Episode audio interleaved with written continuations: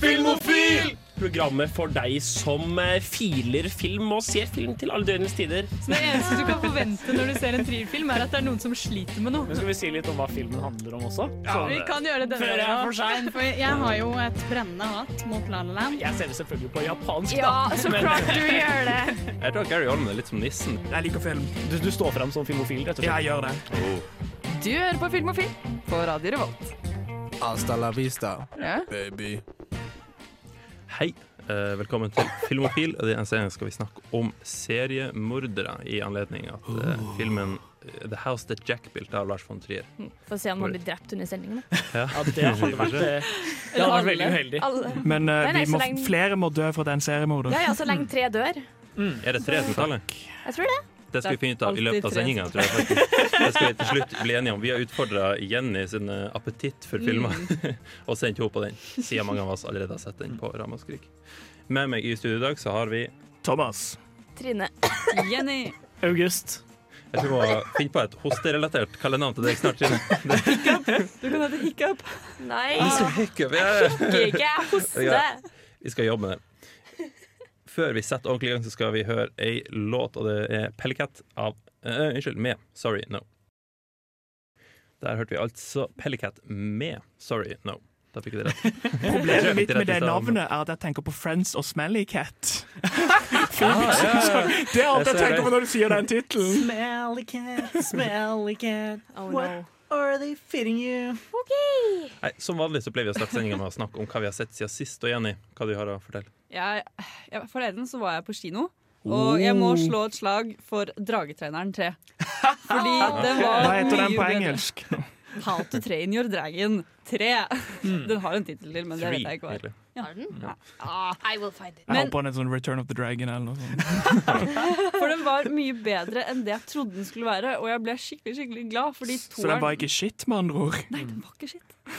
Jeg foreslår tittelen How, to- How, to train- eh, How to Train Your Third Dragon. Å ja, den, jeg tror den bare heter Hidden World. Ja, Problemet mitt med den filmen er at det er sånn, det er sånn jentehode med den dragetypen. Jeg tenker, Er det den tropen der de skal gifte vekk karakterene igjen? Ja. Det, det, det, er- det er ut som du har sånn som er sånn love stories som barn skal lære om. Men dette er basic sånn obsessed sånn der hundeeiere som sier at liksom, hunden sin skal finne en partner. ja, men de er jeg babyene til er så søte! Å nei, er det det filmen handler om? Nei, det er, det Jeg er er ikke så det. forvirra. Jeg elsker det. Det er ikke det det handler om. Men okay. fordi jeg var How to skikkelig mate your dragon dragon. Nei! Thomas, gå hjem! Jeg vil ikke ha deg her lenger. Men tilbake til det egentlige, da. Fordi jeg likte ikke toeren så veldig godt, for jeg syns plottet var skikkelig sånn teit. Bare at du skal finne mor bare. Oi, det viste seg at du hadde en mor. Oi, shit, Ja. nå døde faren din. Ja ja, Ja. da har du fortsatt bare en forelder, da. Ja ja. Det var, det var bare Alt var skikkelig teit med den filmen, så jeg hadde veldig veldig lave forventninger da jeg gikk inn til den filmen her. Men jeg hadde lyst til å se den fordi de er så søte. Jeg tror Thomas dør. Hva? They are very cute, though. Mm, de Yes. er det. Så, men jeg ble overraska. Den var mye bedre enn det jeg trodde den skulle være. Både handlingsmessig og at de babyene var så søte. Jeg holdt på å dø. Mm. Lar den filmen gjøre, gjør seg på en, eh, en liten PC-skjerm, eksempel, eller burde jeg se den på kino? Det kan godt gjøre seg på en liten PC-skjerm også. Det Da jeg. venter jeg til den kommer på Netflix. Jeg har uh, ingen forhold til de filmene der. Så. Nei. Jeg har også sett en film i det siste. Okay. Oh, Jeg har også vært på kino, faktisk. Oh, damn. Er det Spiderman? Igjen. Den hadde, den hadde jeg sett, da. Eh, Jeg, jeg kommer nok ikke til å se den igjen med det første, men altså øh. Men eh, eh, jeg var og så 'Shoplifters' av Hirokazu Koreda. For jeg, De som har hørt på Filmofil lenge, vet at jeg har eh, eh, en stor svakhet for, eh, for filmer som har vært på filmfestivalen i Cannes. Og da særlig de som har vunnet Gullpalmen, som er liksom den gjeveste prisen. Eh, og it, når det da i tillegg kommer en eh, Gullpalmevinner fra en av mine favorittregissører som er aktiv i disse dager, så var det, det var veldig bra. Jeg, jeg, jeg var ordentlig sjarmert av den filmen. Hva, hva går den ut på, egentlig? Går den ut på? Som, som Ja, altså, musikk konsept, konseptet er at uh, vi møter en far og en sønn som liksom, Filmen åpner jo med at de stjeler mat fra en butikk. Mm. Men på veien hjem da, til måte, storfamilien så uh, går de forbi ei lita jente som sitter utelåst fra huset sitt. Og de tenker at hun kan jo ikke ligge her ute hele natt, så de tar henne med hjem. Og etter hvert så viser det seg at eh, familien hennes sannsynligvis ikke har lyst til å ha henne tilbake igjen, så de ender opp med å, å beholde henne uten å si noe til noen. da. Um, så, Kidnapping. It's Ja. called kidnapping. Kidnapping også. Oh, nei, men altså, altså eh, Koreeda sine filmer i det siste da, har handlet veldig mye om på en måte, hva er egentlig en familie. Hva er det som, hva er det som utgjør en familie? I Søstre, den forrige jeg likte kjempegodt, handler om på en måte tre, tre søstre som tar til seg halvsøstera si, da, som de aldri har møtt i hele sitt liv. Eh, og liksom utfordrer, utfordrer tra tradisjonelle ideer om familie. Og særlig i Japan så har man ganske sterke familieideer ofte. Ja. Eh, så, og, og Shoplifters tar det på en måte et nytt steg. da. Kan du bare, kan du bare ta med et barn og kan, det ende, kan du bare plukke med deg et barn på vei hjem fra butikken, og kan det ende opp med å være mer ditt barn enn dets virkelige foreldre? Og det er, det er rett og slett en utrolig utrolig søt film som jeg anbefaler alle å dra og sjekke ut hvis de får muligheten. Altså. Ja vel. Den går på kino. Den gjør det. Er ikke den Oscar-nominert til dette landet? For beste fremmedspråklige film. OK. Beste ikke-engelskspråklige film. Ja ja, det blir fremmedspråklig for oss uansett. Jeg skulle si De Så fleste filmer er vel fremmedspråklige for oss. for USA. Bortsett fra når den der eh, Kon-Tiki. Kon-Tiki var med. Stemmer. Hva vil folk si? Vi er flere folk som har sett filmer, og vi skal høre hva de har sett rimelig snart. Før det så skal vi høre Juno med Mike. Og der var vi tilbake. Wow, det var brå slutt. Veldig. Mike ble raskt uh, heartbroken. Det ble han. Er det ikke sånn vi alle blir da? Raskt. Dypt. Som sagt skal vi snakke videre om hva vi har sett siden sist. Thomas, hva du har å fortelle? Jeg tenkte jeg har lyst eh, til å se en film for, for hver gang Henning anbefaler noe, så blir jeg faktisk veldig interessert. Og jeg koser meg alltid når jeg Takk, ser de takk. filmene Takk, takk. eh, Henning anbefaler, bortsett fra de jeg ikke har sett, som han har anbefalt, som han har sagt jeg skal se. Så da skulle meg og mine roomies sette seg ned og se en film. Og vi tenkte hva har vi lyst på? Og så sa vi vi har lyst på en eller annen form for psychedelic trip. uh, men så er ikke jeg glad i skrekkfilmer. Men så tenkte jeg ja. Det kutta ned lista litt. Det gjør det. Veldig. Da hadde ikke så mange filmer. Og, men så hadde vi også lyst til å le. Mm. Ja. Og da tenkte vi hva er bedre enn en psychedelic uh, trip sammen med Nicolas Cage? Og da så vi Mandy. Ja. Eh, og den var fantastisk. Ah, Den var, mitt. den var ekstremt pen, ekstremt morsom. Og hvis ikke du liker sånn type filmer, uh, Jenny, så er det verdt å se til den ene scenen etter liksom, hovedtingen skjer, når han står på badet med en flaske vodka. Er den? Den var så veldig Den, den scenen der han står med en flaske vodka i tidy whities, drikker den og skriker mot veggen. Det er alt han gjør i to minutter. Han heller også eh, en del eh, av den spriten i knivstikksårene sine, eller skuddsårene, eller hva det er for noe. Så står han heller der og skriker, og så drikker han litt, så skriker han «Åh». Og det er der i hvert fall I sånn- 90 sekunder. I en sånt. T-skjorte som akkurat liksom dekker toppen av underbuksa. Så du ser bare litt sånn bold. Og det er bare så weird og fantastisk! Ja, fordi jeg så jo ikke mange scener i den filmen her, men den scenen fikk jeg med meg. Og det er ikke, det er ikke en grunn til at jeg vil Ja, men Kom mer. Tilbake til den, eller så du til den? Nei, jeg, så ti jeg tror jeg så til den, og så Ja, men gikk jeg. Hvorfor gikk du da? Det var der spenninga begynte. Du sa at du følte filmen var litt slow, og det er noe i begynnelsen. Men akkurat der kan du ikke si det ikke har skjedd noe. Nei, vent, jeg så, jeg så i starten, og så tror jeg jeg kom tilbake til den. Okay, og så gikk jeg igjen, og så kom jeg tilbake senere. For da. Du kan ikke komme tilbake til den scenen og, og, og lure på hva som skjer, for da, da har du, du har gått feil. Det, det er ikke scenen du kommer inn i. Det er en sånn scene du bare må opp til.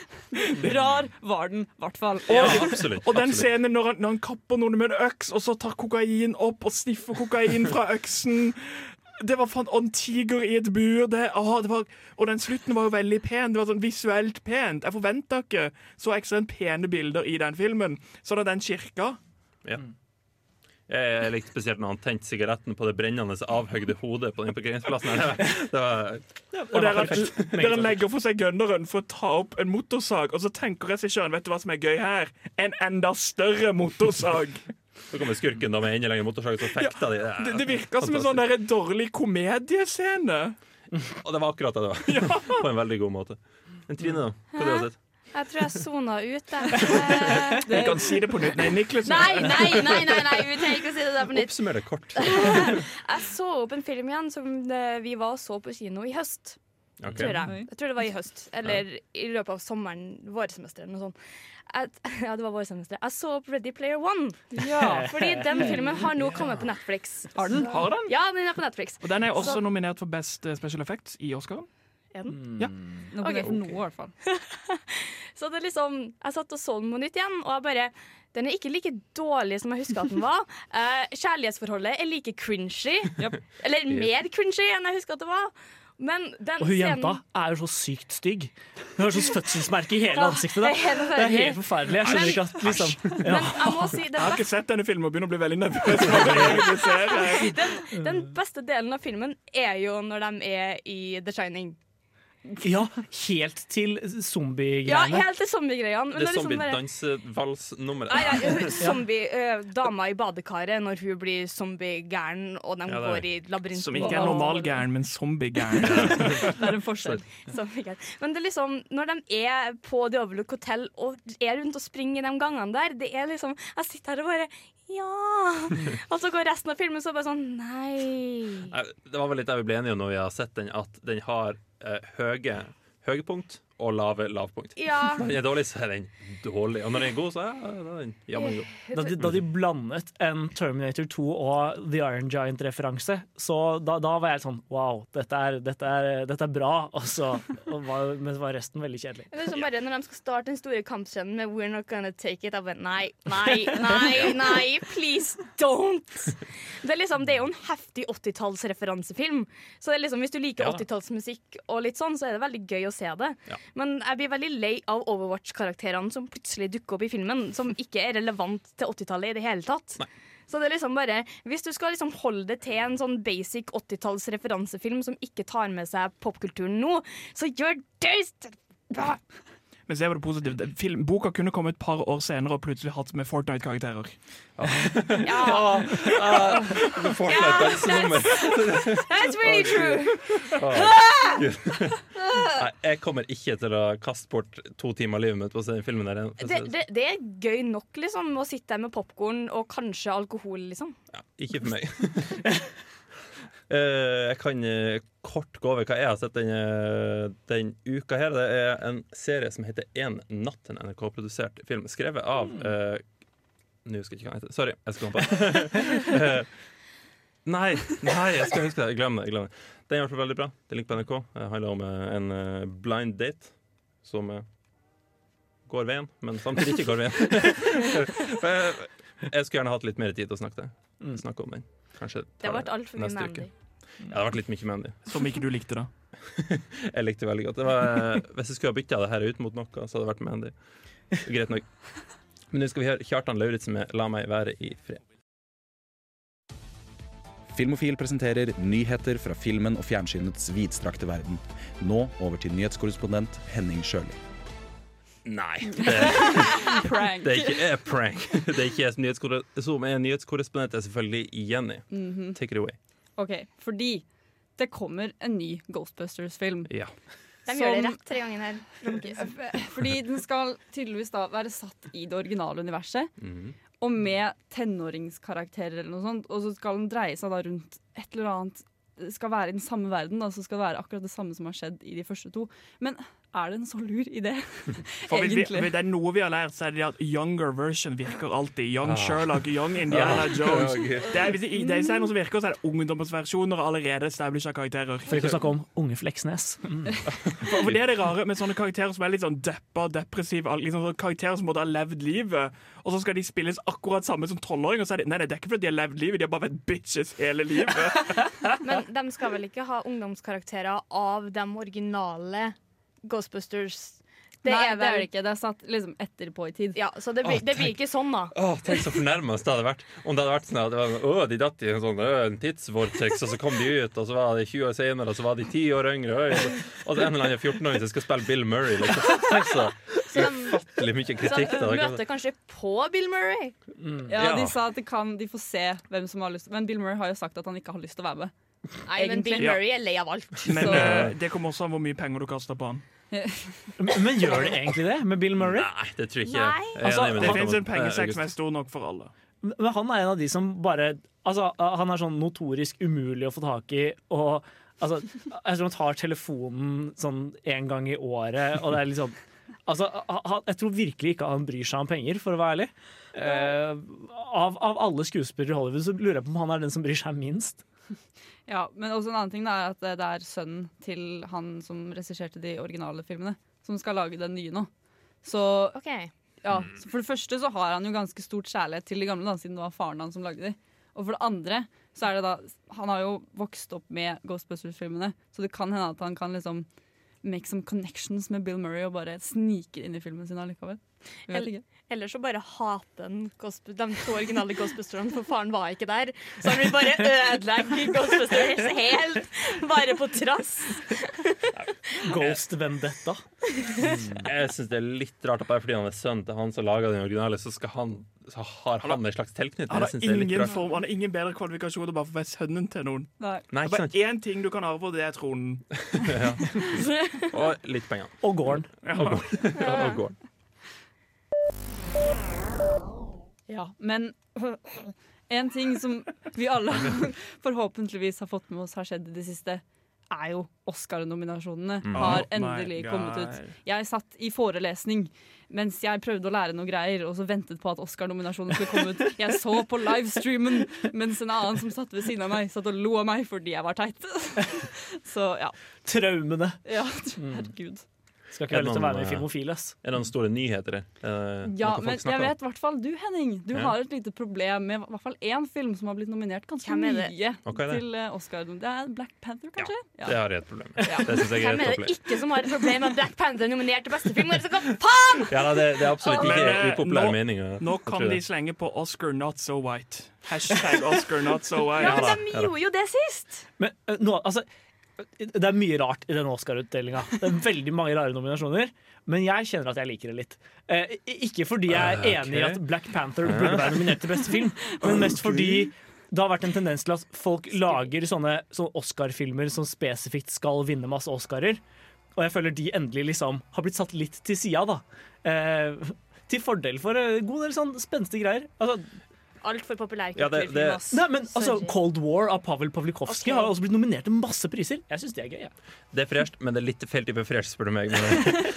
Vi skal snakke mer nyheter, kanskje litt mer Oscar. Vi får se, men før det så skal vi høre ei låt. Vi skal høre 'Blomst' eh, med 'Penger i madrassen'. Etter det skal vi ha en liten pause. For et program i burra med både klasse og stil. Du hører på Filmofil. Der hørte vi altså 'Blomst' med 'Penger i madrassen'. Og Jenny, hva har du Ja. lyst til å snakke om videre? Nei, jeg tenker vi snakker litt mer om Oscaren, jeg. For det er, det er litt mer å si rundt det. Absolutt. Ja. Vi hadde litt for kort tid i stad. Litt mulig. Ja, dette er jo noe som har blitt snakka om tidligere på sending, og det er jo den der hvordan Oscaren skal reagere på eh, streamingtjenester og sånt. Og da er det jo veldig spennende å se at den filmen som har flest nominasjoner, er en Netflix-film, hvis vi kan kalle det så, med Roma.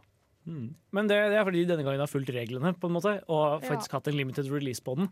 Og jeg, er, jeg er jo kjempetakknemlig for det. for De hadde er limited enig. release av, av filmen på kino selv i Norge. da Selv i lille Trondheim så var det mulig å se Roma på kino. Men Og- Cinema er ikke så dårlig plass å se film. Jeg syns det er fint, jeg. Det er så varmt og klamt og ekkelt, men ja. ja. Mye bedre bilde enn på min PC-skjerm. Absolutt. Eh, Ja, ja. Mobilen min, det er der jeg ser den. men, men det er i hvert fall veldig, veldig gøy å se at en sånn film kan få så mange nominasjoner. Ja. Det er veldig lenge siden sist du så en ikke-engelskspråklig film hente, hente nominasjoner liksom til noe annet enn beste ikke-engelskspråklige film. Mm. en. Jeg har- jeg har lenge trodd at det var sånn kriterium at det måtte være engelsk for at du skulle bli nominert til noe annet. Det var en liten tro jeg hadde bak i øret, for jeg følte ingen filmer var nominert som noe annet hvis ikke det var engelsk. Hva var siste, da? Jeg føler Amor, kanskje. Men jeg husker ikke. Ja, Amour var nominert til både beste film og beste kvinnelige hovedrolle. Og det har- nok vært en del andre, særlig i de småkategoriene som beste kortfilm og Ja, ja, men beste jeg, jeg mener sånn av de store, da. Av de store, tunge kategoriene så tror jeg ikke det har vært så mange siden Amour, nei. Og det der mener det det nesten blir en liten uskreven regel, følte jeg en stund. Så det er veldig spennende å se en liten film, eller ikke en liten film, men en film som er utenlandsk, og som raskt kommer på Netflix, faktisk får mye av den skal rutte med. For jeg følte jo det var lenge motsatt. Det var sånn, Filmen kom ikke i Norge før han hadde vunnet Oscar. Det var sånn, det var jo basically reklamen til filmen. var, Denne filmen var, var fjorårets beste film. Ja, Du aner ikke hvilken film det er. En annen morsom ting er jo at eh, blant regissørene som er nominert til beste regi, så er tre av de ikke-engelskspråklige. Du har uh, Pavel Pavlikovskij, som er nominert for Cold War, Mm. den polske svart-hvitt-filmen. Eh, og så har du uh, Cuaron, som er nominert, eller Alfons Cuaron, som er nominert for Roma. eh, den meksikanske svart-hvitt-filmen. Og så har du Jorgos Lanthimos, eh, grekeren, som er nominert for The Favourite. Ja, den Er i ikke svart-hvitt. Den, den, den er i farger. Men også to av fotonominasjonene gikk til svart-hvitt-filmer i år. Ja. Både Cold War og, og Roma. Altså, jeg, jeg, altså, for all del. Du kan, ha, du kan hate at eh, Black Panther og Bohemian Rhapsody fikk så mange nominasjoner, men jeg syns det er veldig gøy at de har valgt å liksom trekke fram en god del sånne små, rare eller, ja, out there-filmer også. Ja, jeg har kanskje trukket det korte strået de, det filmutvalget har å, å kjenne meg igjen i. i de filmene som har blitt nominert. Det kan hende at det er noen perler da, som har sluppet meg unna. Det kan være. Ja, men sant skal sies også, som vi kom fram til på topplisten vår, at det var ikke så mange filmer som var bra, som kom ut i 2018 heller. Så de hadde Neida. ikke så veldig mye å velge av, da. Ikke i Norge, men det har kommet en del bedre Ja sånn, helt på slutten av året. grade vet jeg var Mm. veldig mye buzz rundt den Bo Burnham-filmen. Den har jeg ikke sett Mm. ennå. Jeg har skikkelig lyst til å se den. Nei, samme. Sånn, Den var jo heller ikke nominert til Oscar. Så det, er liksom, det er mange som er sur at Mission Impossible Fallout ikke ble nominert til noe. Liksom. Så det, I don't know. Jeg har den ikke så verst. Jeg tviler. Tilbake til cinematografien eller foto. da Det er Etter Roger Deakins brukte opp alle fargene i fjor, så må de liksom roe ned nå. Han brukte alle, alle fargene som var i den filmen. Så han Var var, det så mange? da? ja, men han brukte fargene ganske intenst. Det var ikke litt oransje på scenen. Det var, alt var oransje. Han brukte, så, han brukte Ja, veldig mye farger, og nå var det på tide at vi, nå må vi puste litt. Ja, så det, det, det var derfor de ikke nominerte Mandy, da. Ja, det har vi jo hatt oppe, men der var jo alle fargene og syretrepp. Men Mandy, folken! Nei. Apropos. Men en annen ting med Oscarene er fordi beste animasjonsfilm der er Riverolf nominert. Og jeg er veldig Ja. sur på det, egentlig. Disney må inn. Ja. Men, men, men hvem ville du heller hatt der?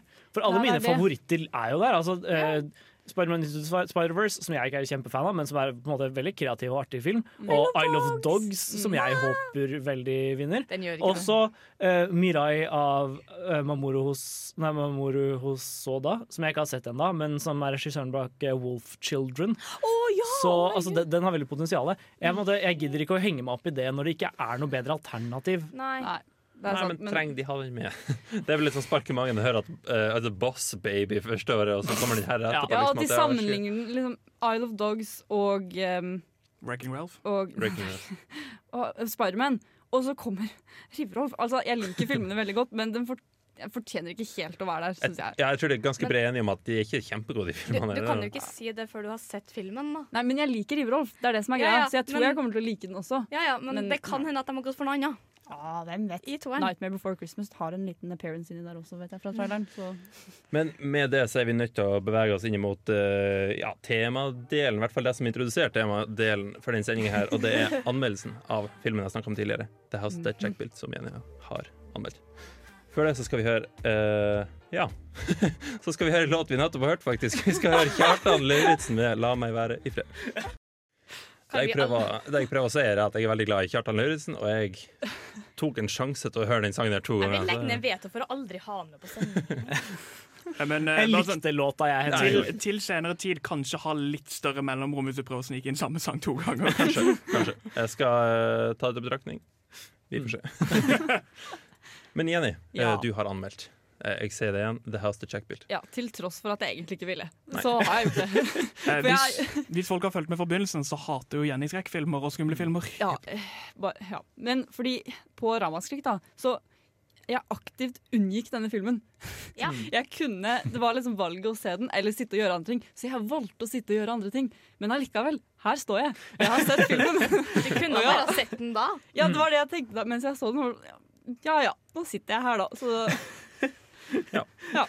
Har du lyst til å se- se litt mer om det, eller skal vi bare høre eh, kan bare anmeldelsen? kjøre Ja, greit, da gjør vi det. The House That Jack Built er den nyeste og muligens også den siste filmen til den danske regissøren Lars von Trier, som har laget en del filmer som er noe for seg selv opp gjennom karrieren sin. Og The House That Jack Built er absolutt ikke noe unntak fra dette. If you feel like screaming, I definitely think that you should.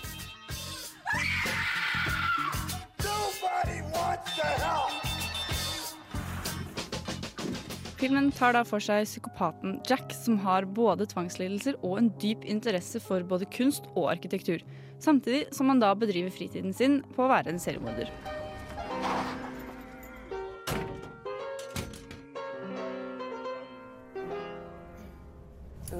That was maybe a mistake. What was maybe a mistake? Me getting in this car with you.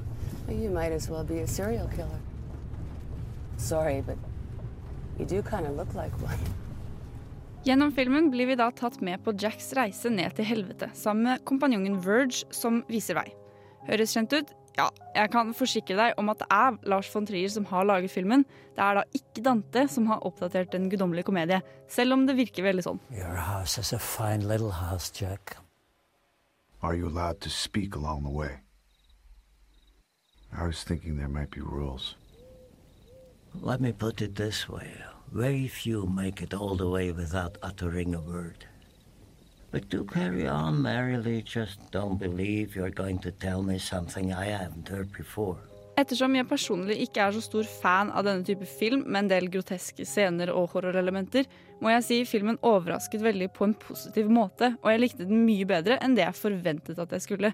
Da den var både pen å se på, og reisen Jack tok, ikke bare fysisk, men også hvordan man så personligheten hans utvikle seg litt underveis, syns jeg var veldig bra gjort. Some people claim that the atrocities we commit in our fiction are those inner desires which we cannot commit in our controlled civilization. So they are expressed instead through our art. I don't agree. I believe heaven and hell are one and the same.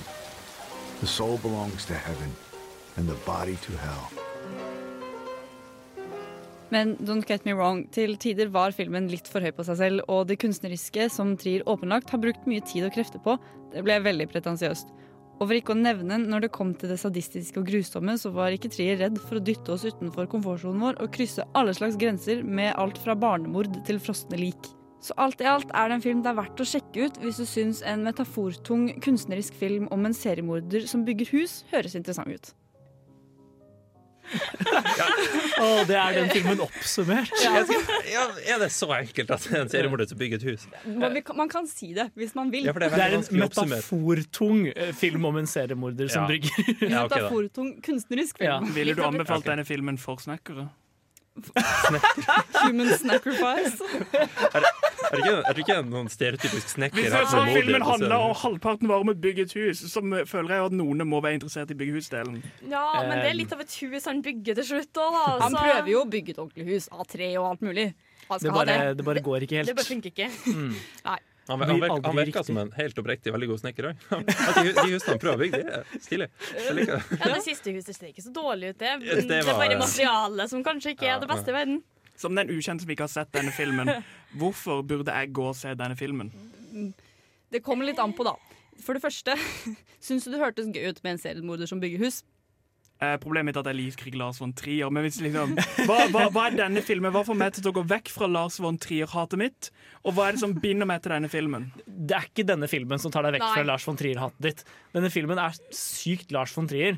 Eh, så, så hvis du ikke liker han, så er det liksom ikke noe vits. Eh, men altså, den er, den er veldig pen. Jeg, ja, han er absolutt altså, jeg tror Hvis du har noe personlig imot Lars von Trier, så er dette den siste filmen du vil se. Jeg føler at han driver og klapper seg selv på skuldre store deler av filmen. Han driver og spiller klipp fra filmene sine og snakker om temaer som har vært kontroversielle rundt han. Nesten som om han er stolt av det. At de har vært kontroversielle. Det var det, var det inntrykket jeg fikk. i hvert fall. Ja, samtidig så sammenligner han jo seg selv med Hitler. Ja.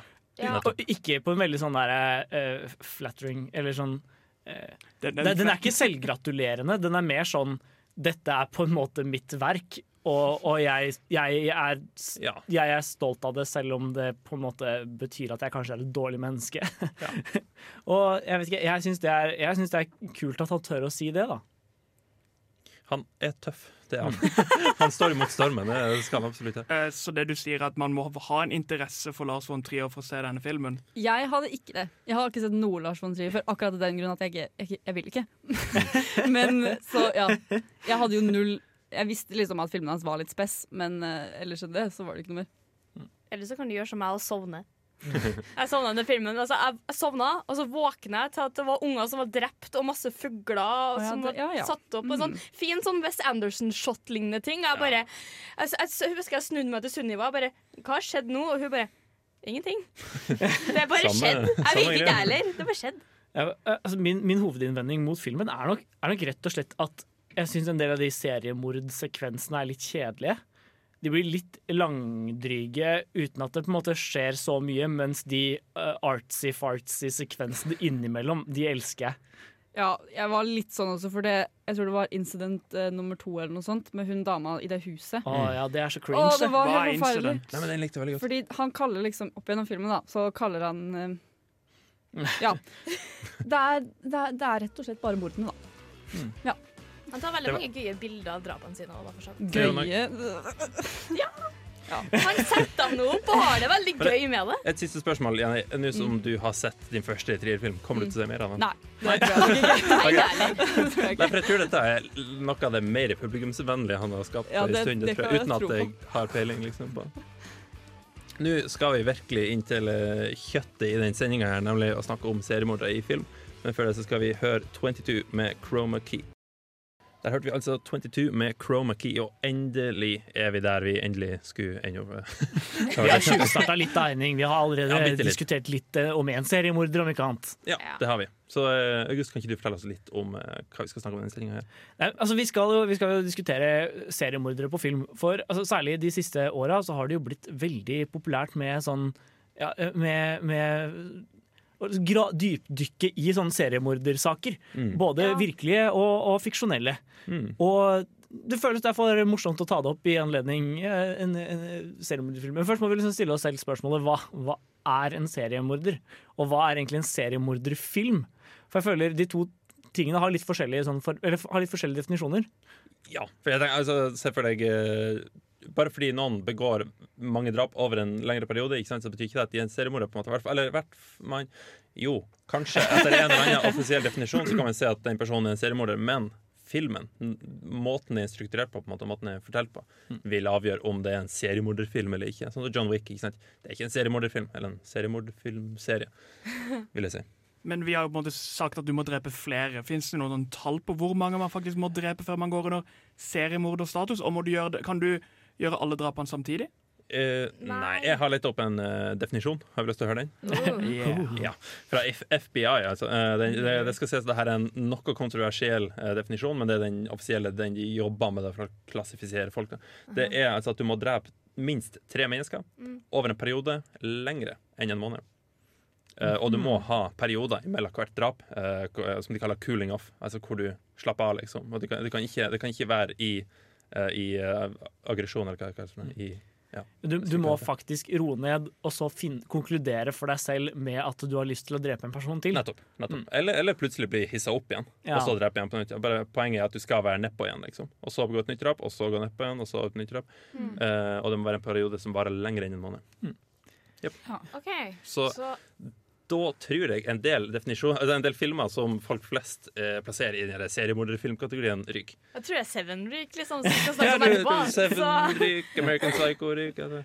Jeg, jeg, jeg føler på en måte Definisjonen av en seriemorderfilm handler mer om at filmen er strukturert rundt Eller den narrative strukturen til filmen er basert på at det på en måte kommer et nytt mord og et nytt mord, Ja. og at du har noen som følger disse mordene, enten det er fra seriemorderen sitt perspektiv, eller det er fra etterforskerne som prøver å fakke vedkommende sitt perspektiv. Ja, for det er litt sånn Hadde de drept flere personer på en gang i en film, så ville jeg ikke sagt at de har vært seriemordere. Men om det går en dag eller to i filmen, så går det.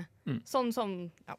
Der er også litt problemet med hvordan film gjør det med tid og sånt. For at det er jo ikke alltid ting som tar uh, to-tre år i virkeligheten, blir gjort om til én eller to måneder. Så der er det jo vanskelig å ha den FBI-definisjonen på fire måneder. For hvis ikke så blir filmene veldig veldig treige. Sånn som filmer sånn som Hobbiten foregår på eh, tre timer ifølge de storyene, men foregår over seks-syv måneder, liksom. Ja, ikke sant. Ja, og og vi, vi kommer jo ikke til å snakke så mye om sånn terrorismefilmer. Nei. Det blir ikke noe Utøya 22. juli og, og sannsynligvis ikke noe Elephant av Gus Van Sant heller. Oi. For der er på en måte ja, der er, der, Det går mer i massemordkategorien. Og Ja, selv om du kan ja, argumentere for at den narrative strukturen er basert på liksom et nytt mord, et nytt mord, så er det litt mer sånn stream of consciousness, og det gir mening å skille de filmene fra ja, si uh, Silence of the Lamps og, og mer sånn tradisjonell krim. da. Mm.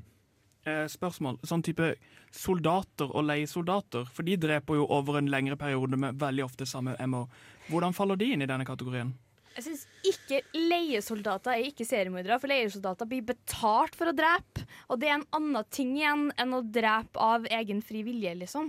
Dette Du kunne drep- Trine litt bedre Du, Du, du dreper fordi OK, jeg har vært irritert på mandagsmøtet for noen som snakka om Punisher. Så jeg, liksom, jeg har sittet og bare lest meg opp på er en seriemorder det samme som en leiemorder. Jeg søkte på YouTube serial killer, nei, Assassin versus serial killer, og den ble liksom skrevet ferdig for meg. Det her er det andre personer som har søkt om også. Så det er liksom, Når du er en leiemorder, så blir du betalt for å drepe, så du betaler ikke av egen Nei, du, okay, betal, så- du dreper ikke av egen frivillighet. Okay. Så motivasjon er viktig. Ja. Samtidig så har du de leiemorderne som også dreper fordi de fetisjiserer rundt det. da Altså. Ja, også sånn, jeg, jeg har ikke sett Ichi the Killer, da, men jeg har inntrykk av at den, handler, den ligger litt i det territoriet. Så det finnes, det finnes gråsoner, og vi kommer ikke til å være veldig strenge på definisjonene våre. Men vi prøver, å- ja, det er rundt dette territoriet vi kommer til å jobbe. Ja. Det er ikke en særlig Eller jeg tror ikke det finnes en særlig konsekvent uh, definisjon, så vi vanskelig for oss å være konsekvent. vi kommer ikke til å være det. Ikke, ikke forvent Ta det på liksom. filen. Ja. Nei, eh, vi skal ta for oss hjemmeleksa vi ga dere forrige uke, men før det skal vi høre Lill Halima med 'Hold Me'. Der hørte jeg altså Lill Lill Halima, ikke Helil. Helil.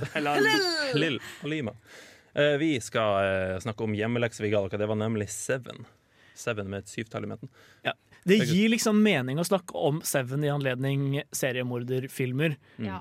Både fordi den er veldig veletablert i på en måte seriemorderfilmcanon, men også fordi den er så utrolig bra. Nei. Ja. Sorry, ass. Jeg kom en time inn i den filmen, kjeda meg så mye og satt på Ready Player One i stedet for. Oi. Kjeda du deg? Ja, jeg kjenner meg skikkelig. Men OK, jeg må bare forklare det her med en gang. Fordi det er så mye av Seven som har sipa ut i popkulturen. sant? Så du får med deg nesten hele filmen uten å ha sett den i det hele tatt. Hvem er det som ikke har fått med seg What's in the Box? Liksom. Så du føler liksom at du har fått med deg alt uansett om du har sett Er det, filmen er eller det ikke artig å liksom kjenne igjen puslespillbrikkene? Så, «Hei, det er Nei, men når jeg på satt og så filmen, når liksom de kommer til Sloth, og han plutselig kommer liksom, fortsatt er i live, så sitter jeg her og bare Jeg visste at det her skulle skje. Men Det er eh, la oss si litt om hva filmen handler om før vi går på en lengre triade. For eh, altså, den, den er på en måte strukturert rundt eh, Brad Pitt, som er en ny politimann i en eller annen stor u...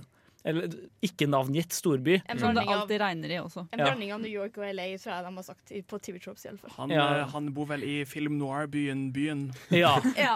The, the Film Noir City. City. Mm, Men i hvert fall, han eh, blir eh, satt sammen med Morgan Freeman, som er på en måte en sånn gammel politimann som er på vei til å pensjonere seg. Mm. Um, og de begynner med å på en måte etterforske et mord som det plutselig viser seg å uh, komme flere av.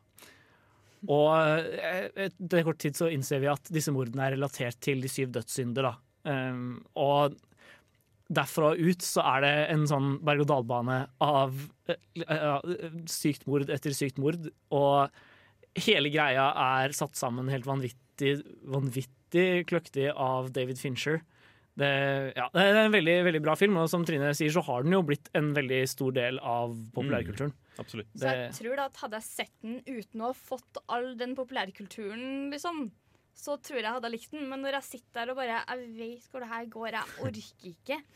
Så er det litt sånn Det var litt sånn bare se den fordi den er hjemmelekse, men da var det litt sånn ja, men, øh, Du må ikke snakke stygt om hjemmeleksa, Trine. Da blir ikke lytterne våre som ser på det heller. Nei da, men når det er såpass, en såpass film som alle har blitt spoila for uansett, fordi det parodieres i hver, nesten hver eneste TV-serie som driver med satire, så er det jo ikke noe rart at du blir lei til slutt. Når du ikke har sett den fra før av. Jeg tror, jeg, men jeg tror det er litt altså Det er jo litt din egen feil når du ikke har sett Seven før nå òg, da. Du har jo hatt noen år på jeg har prøvd, men det regna bare, så jeg gidda faen ikke! det regner jo i den nå. Hvis du hadde utsatt på filmen at det regna,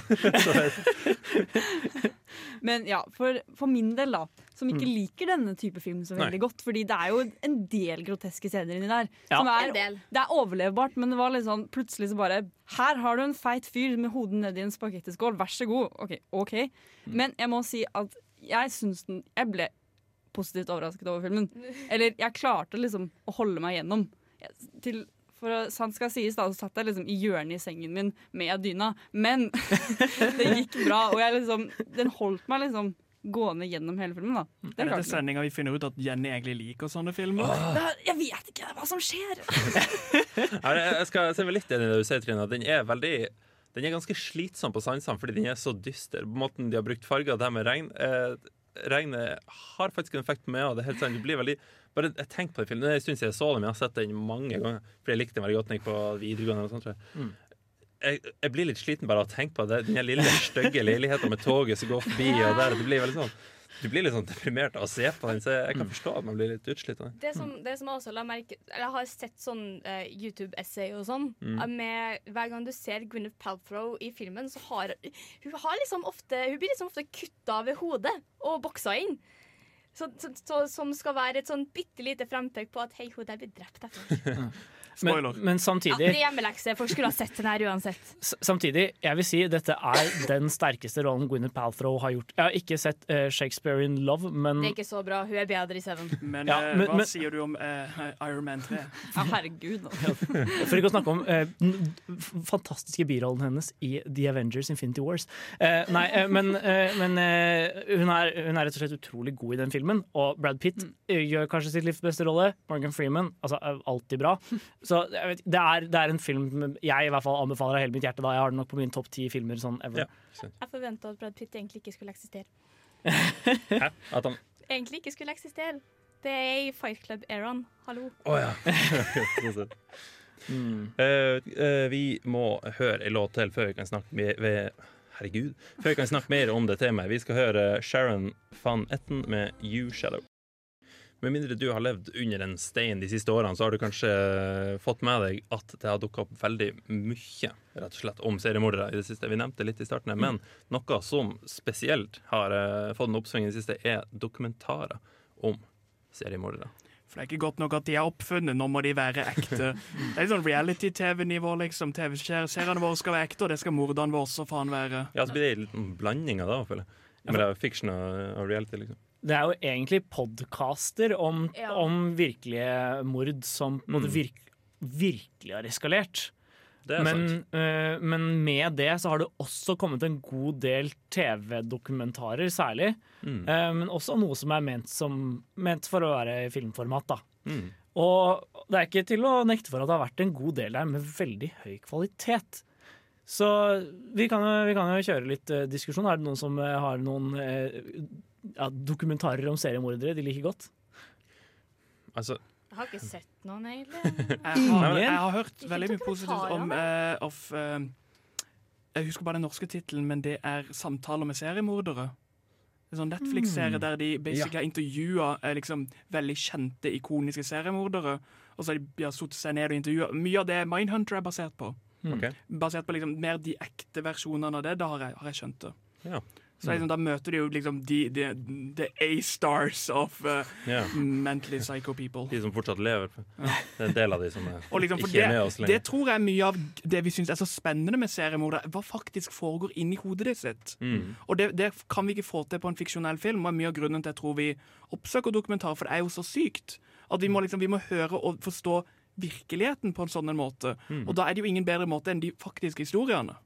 det, med deg, ikke sant, at du, publikum har lyst til å gjøre et dypdykk inn i tankene til de seriemorderne, så tror jeg, det jeg nevnte litt tidligere, at, de, at det har blitt en blanding av dokumentar og eh, fancy. Det er sånn som American Crime Story-serien. Det er to sesonger nå. Den første tar for seg OG, den andre tar for seg eh, Versace-morderen, som, han er- som han er kjent som. Men det er jo ikke dokumentar. Nei, nei, nei, nei det, er ikke det, det er ikke det. Jeg mener det er liksom eh, eh, noe som har kommet fra den populariteten her, og litt av samme interessen til publikum, tror jeg. Ja, Nemlig det med å bli kjent med eh, seriemordere, men med en litt annen innfallsvinkel. Mm. For det, jeg, jeg, jeg vil jo snakke veldig varmt om Altså, Du kan jo, kan jo si at OJ ikke er en seriemorder. Da, akkurat. Nei, nei, Han drepte jo to personer. Ja. Eh, Samtidig. eh, ja. Og ikke over en måned, og de er ikke Nei, det på kort sikt. Men, men du kan jo på en måte si at uh, OJ Made in America er veldig relevant å snakke om i denne konteksten. da. Eh, den vant jo Oscar for beste dokumentar, Ja, for- selv om den på en måte var delt opp i en, som en TV-serie på fem for de fleste som så den. Mm. Men det er en vanvittig interessant eh, film, altså. Som klarer å ta for seg både en både en helt crazy sak, men også på en måte hele historien om raseforskjeller i USA. Stappa inn i et uh, langt dokumentarfilmformat. Ja. Og der innser vi jo at det er jo ingen som ser en episode av gangen, folkens. Vi binger hele den dritten med en gang det kommer ut. Det er ikke noen serie, det er film med lang pause imellom. Med dopause bygd inn. Serie, smerie. Er. Men se for deg å se den på kino i ett strekk. da, Det skulle jeg gjerne gjort en gang. Jeg, jeg, jeg setter pris på det at det er episodisk, for, da, for det, det er mye problemet mitt med sånne lange filmer, er at jeg føler det er commitment. Det er veldig vanskelig for meg å sette meg ned og si ok, nå skal jeg vie fem timer til denne tingen. Det er mye lettere å lure meg inn som den dumme personen og si nei, nei, det er bare én time. Ti timer senere. Jeg bare, yes! Men jeg tror ikke jeg hadde godtatt sånn type disse seriene hvis det var Game of Thrones. Ti timer, du må sitte hele greia. Da hadde det blitt Nei, mye men- hvis jeg, Den lurer meg inn, for jeg ser jo alt samtidig. Jeg binger det jo som en liten hore, men eh, Men eh, jeg, jeg så også en eh, interessant dokumentar i går, faktisk. Okay. Det var altså ikke, ikke seriemord, men også true crime. Eh, men eh, den eh, tok for seg John Benet-saken. Jeg vet ikke om dere har hørt om den? Nei. Det var ei lita jente som ble funnet død i måte, kjelleren i huset sitt av, de, av foreldrene, men det var også skrevet en sånn merkelig eh, sånn løspengebrev i forkant.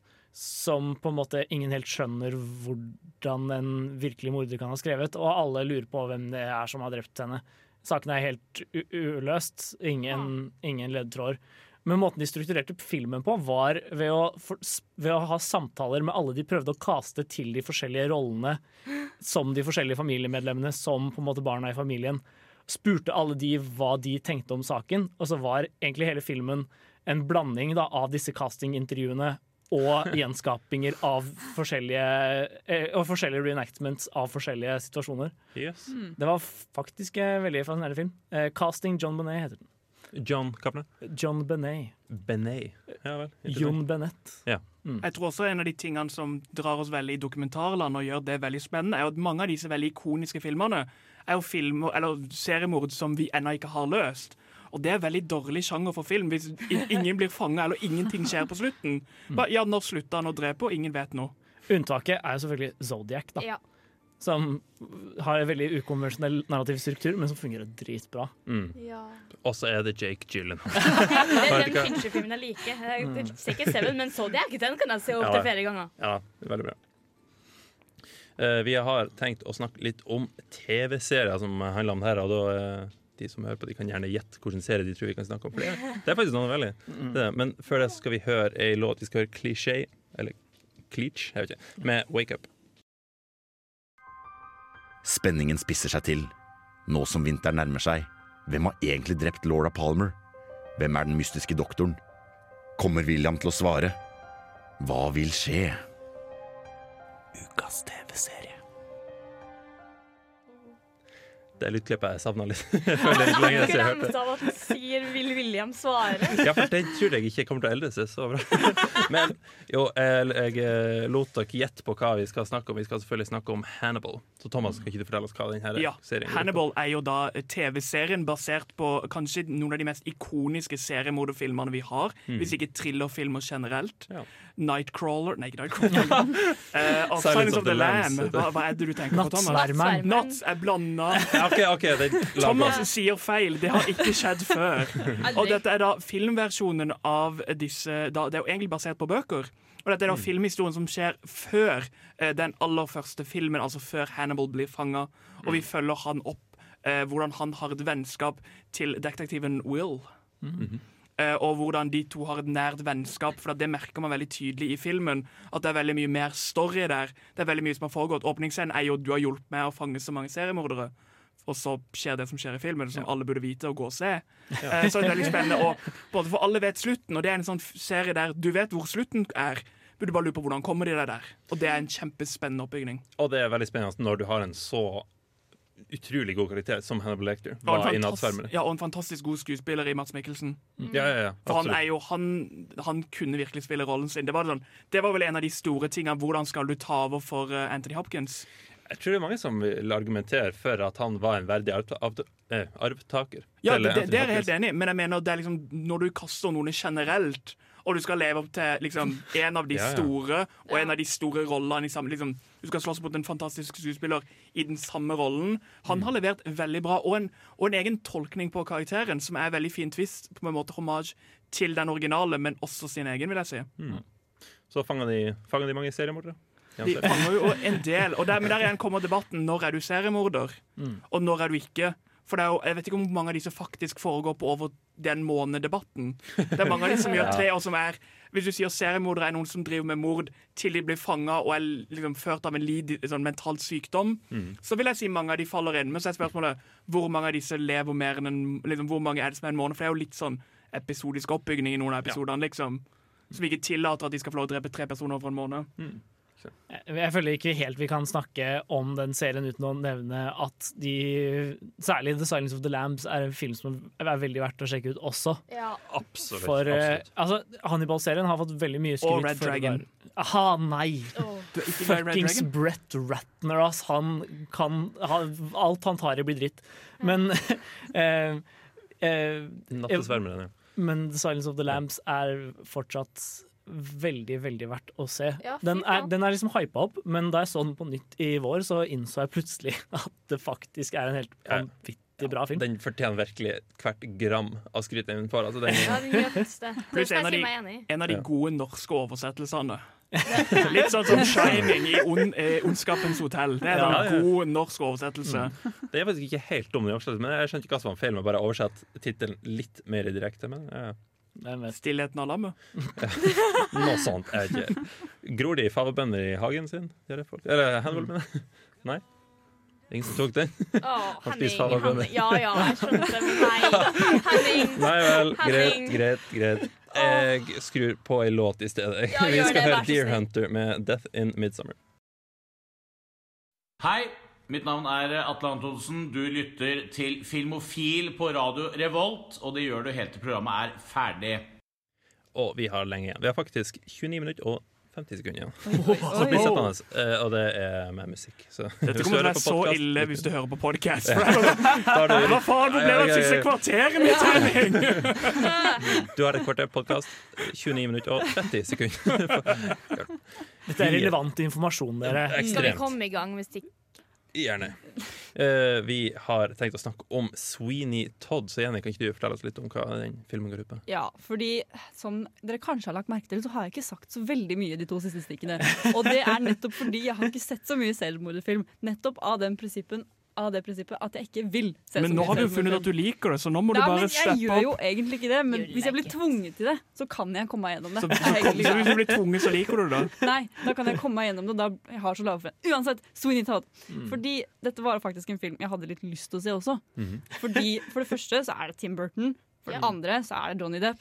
For det tredje så er det Helena Bonham, Bonham Carter. Johnny Depp Så- før det har klikka for ham. Ja. Så det er i hvert er fall én god grunn da, i Helena Bonham Carter til å se den filmen. Ja, Ja, men uansett, da, så var det liksom Og så Jeg så den her i går, og så var jeg litt sånn Den var jo det var jo noe, det, da. Jeg vet ikke helt hva jeg syns om den enda. Jeg har ikke helt klart å bestemme meg. Fordi, men den er jo veldig original, da, hvis du tenker på det sånn sett, i en seriemorder-type film. For det er jo ikke det du ser. Du, har ikke, du tenker ikke på å blande en musikal med en som dreper folk, som en bra ting, men jeg syns de klarte det ganske bra, egentlig. Dreper folk og lager kake. Ja, og det, pai. Pai. Mm. Og det er vel mennesker i den paien? Ja, ja, ja, selvfølgelig jo, er det det. Det er, det er en av, en av sånn to filmer jeg vet om som går i horrormusikalsjangeren. Det er stort sett den og Anna and the Apocalypse. Du har også uh, Little Shop of Horrors. Ja, den har ikke Getting jeg my sett. nerd on. Oh, Eh, og der kommer vi videre til hvorfor jeg er ikke så veldig så fan av den filmen. For jeg syns Tim Burton var litt ferdig når denne kom ut. Jeg synes Stilen hans var litt brukt opp. Og musikalversjonen er veldig mye bedre når du ser liksom, de originale med de originale vokalistene. Ja, det kan jeg godt tro på, for du var ikke, sånn, var ikke kjempeimponert over de sangene der. I, i tiden. Jeg syntes det var bedre på liksom, Spotify. Og hadde plutselig Borat kommer inn der, og du bare lurer på hva som foregår. Men Alan Rickman, da? Ja, Jeg, jeg husker når jeg så den filmen, så var det Carter. Jeg husker aldri hele navnet hennes, men hun, Carter Helena. Hun der. Ja, hun, ja. Jeg husker at når hun sang, så tenkte jeg ja, nå sang hun, ja. og hun sang. For det var veldig sånn, sånn skrikete stemme. Ja, det det det er litt sånn, sånn du tenker når Russell Crowe begynner å synge Les Mis. Bare sånn, ja, OK, der, der er det i gang, ja. ja okay. Men det er litt det som passer karakteren hennes og hele utseendet. Så det, hun det bygger hele karrieren sin på egentlig. Det både var ikke så pent å høre på heller. Nei, det var ikke det. Men det, det hadde vært litt snålt samtidig om hun var dritflink av det sånn englestemme, liksom.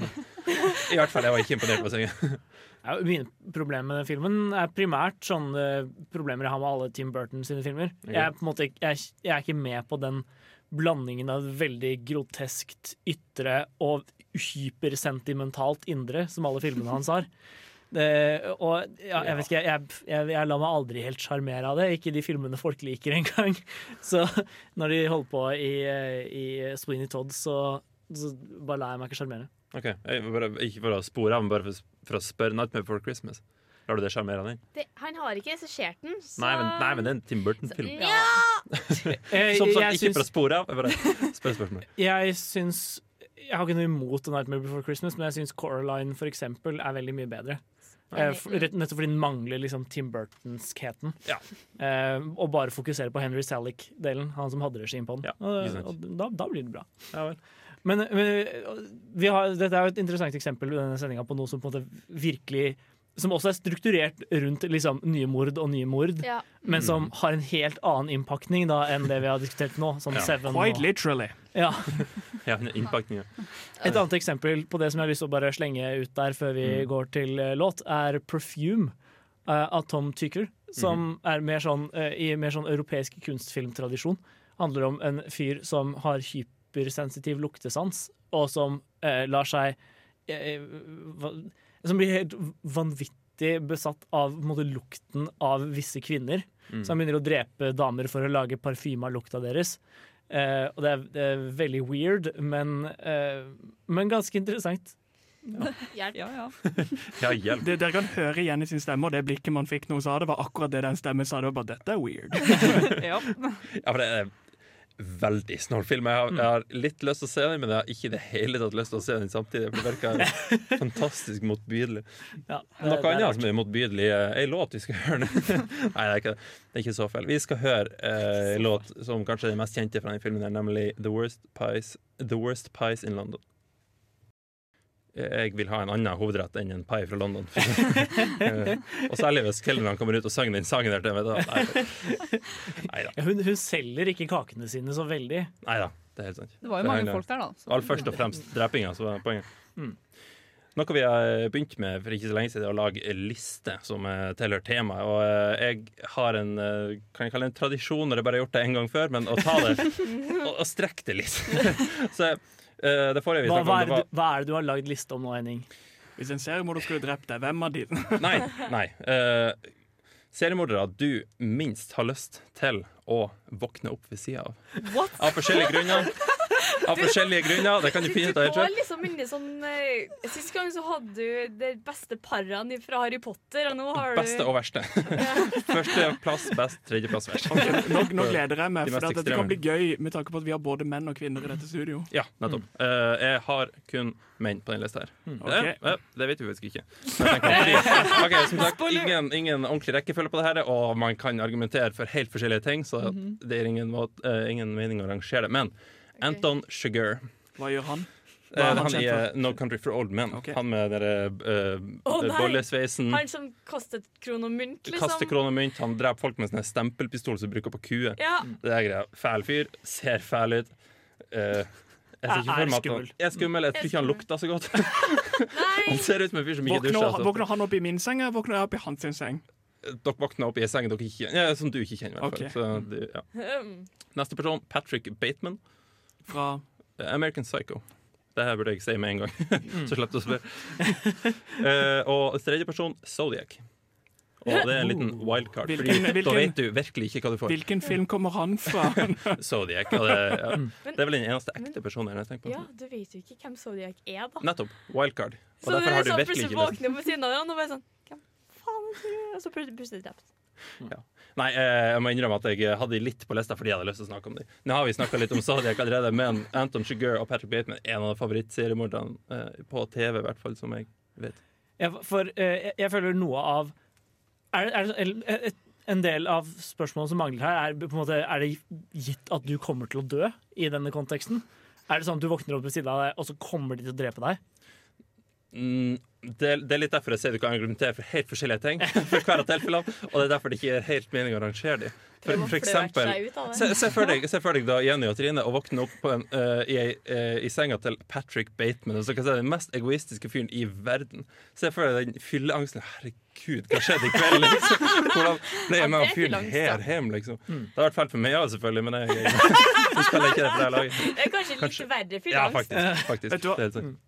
Jeg ser for meg at det hadde vært mye morsommere å bli drept av han enn av Anton Shigur. For han hadde typisk bare tatt den der eh, stempelpistolen opp til hodet ditt, og så dør du. Mens eh, Patrick Bateman ville gjort et stort nummer ut av det. Ja, han hadde fortalt deg Spilt litt Hip to be square, kommet med et eller, en eller annen obskur referanse til et eller annet 80-tallsband. Det hadde vært god stemning helt, helt til jeg ble drept. Ja, og så har han snakka om han derre er nei, Genesis-fyren. Ja. Jeg. Ja. Eh, jeg syns dette er fullstendig wack. Jeg går fra den første. Eh, fordi at for okay, det ene hvis, for Seriemordere har jo vanligvis et vanlig MO, som betyr at de gjør den samme tingen når de dreper folk hele tida.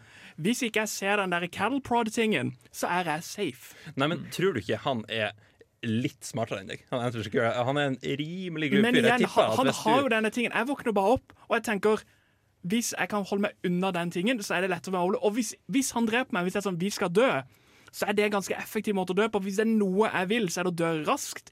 Ikke liksom sånn Nå skal jeg drepe deg, men jeg skal bare danse først. Jeg bare Get it fucking over with! Hvis du først skal drepe meg, ikke torturer meg først. Men- La meg få lov å dø med verdighet som en ku.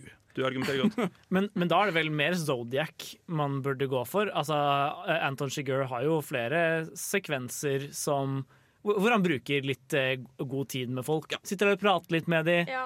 Eh, han er også kjent for å bruke hagle, så Ja, det det. med, Ja, med er lyddemper, uh, mind you. Så Ikke altså, en helt realistisk lyddemper heller, hvis jeg forstår hva? Det er helt snålet. Jeg skjønner. Og jeg, jeg syns at jeg la faktisk til noe til filmen som gjorde at jeg likte den enda bedre. Men En sånn rar ting som er helt tydelig fra fantasy, liksom. Jeg, nei. Jeg vet ikke hvem. Eh, Fordi jeg, jeg vet ikke hvem jeg helst ville våkne på sida. Kanskje Zodiac. Fordi eh, Kanskje han er en grei fyr, eller? Vi, vi vet vel ennå ikke hvem det var for noe, men Nei. Vi skal høre ei låt før vi snart begynner å krype mot slutten av sendinga. Vi skal høre Homeshake med eh, Like Mariah. Det er vel ikke uh, mye tvil om at vi liker at dette uh, temaet seriemordere i film og som uh, en så veldig stor andel av publikum, hvis vi skal tro uh, der vi har sett blitt skapt i det siste. Men hvorfor liker vi det? Hvorfor er det så interessant å se akkurat seriemordere? Noe så ekkelt og brutalt. Nei, det, det er faktisk et eh, viktig forskningsfelt innenfor filmvitenskap. eh, Nettopp fordi det er veldig rart hvordan man ender opp med å særlig sympatisere med de. Ja. Mm. Ta for eksempel uh, The Silence of the Lambs. Det er veldig vanskelig å argumentere for at man ikke lar seg forføre av Hannibal. Det er vel enda mer tilfelle i Hannibal-serien. Mm. Man, man lar seg virkelig liksom rive med, og man får en slags sånn sympati for dem. Blir litt sjarmert. Ja, rett og slett. Og, og Kevin Spacey i, i Seven også. Altså, det, er en, det er en form for forståelse for hva han prøver å gjøre der. en slags sånn morbid fascinasjon med hva som foregår inni hodet deres. Og det er, det er, det er mange, mange teorier på det, men det er liksom ingen som klarer helt å bli enige om, eh, om på en måte ett eh, forenende prinsipp som, som bringer det hele sammen. Mm. Men eh, et av, et av prinsippene man har valgt å gå for, er rett og slett sånn derre Ja, men kanskje de, kanskje de har noen eh, måte redeeming features allikevel. Ta for eksempel eh, Nok en gang er Hannibal Lecter et interessant eksempel, fordi han Altså, i den filmen så er han en av de få personene av alle som behandler Jodie Foster sin Mm. karakter, altså Clarice Starling, med noen som helst respekt. Ja. Det er helt sant. Og med så det ser man resten av filmene og innser at det var ikke det beste for henne. For jeg, jeg tror du traff spikeren på hodet ganske eh, tidlig, og det er morbid fascinasjon.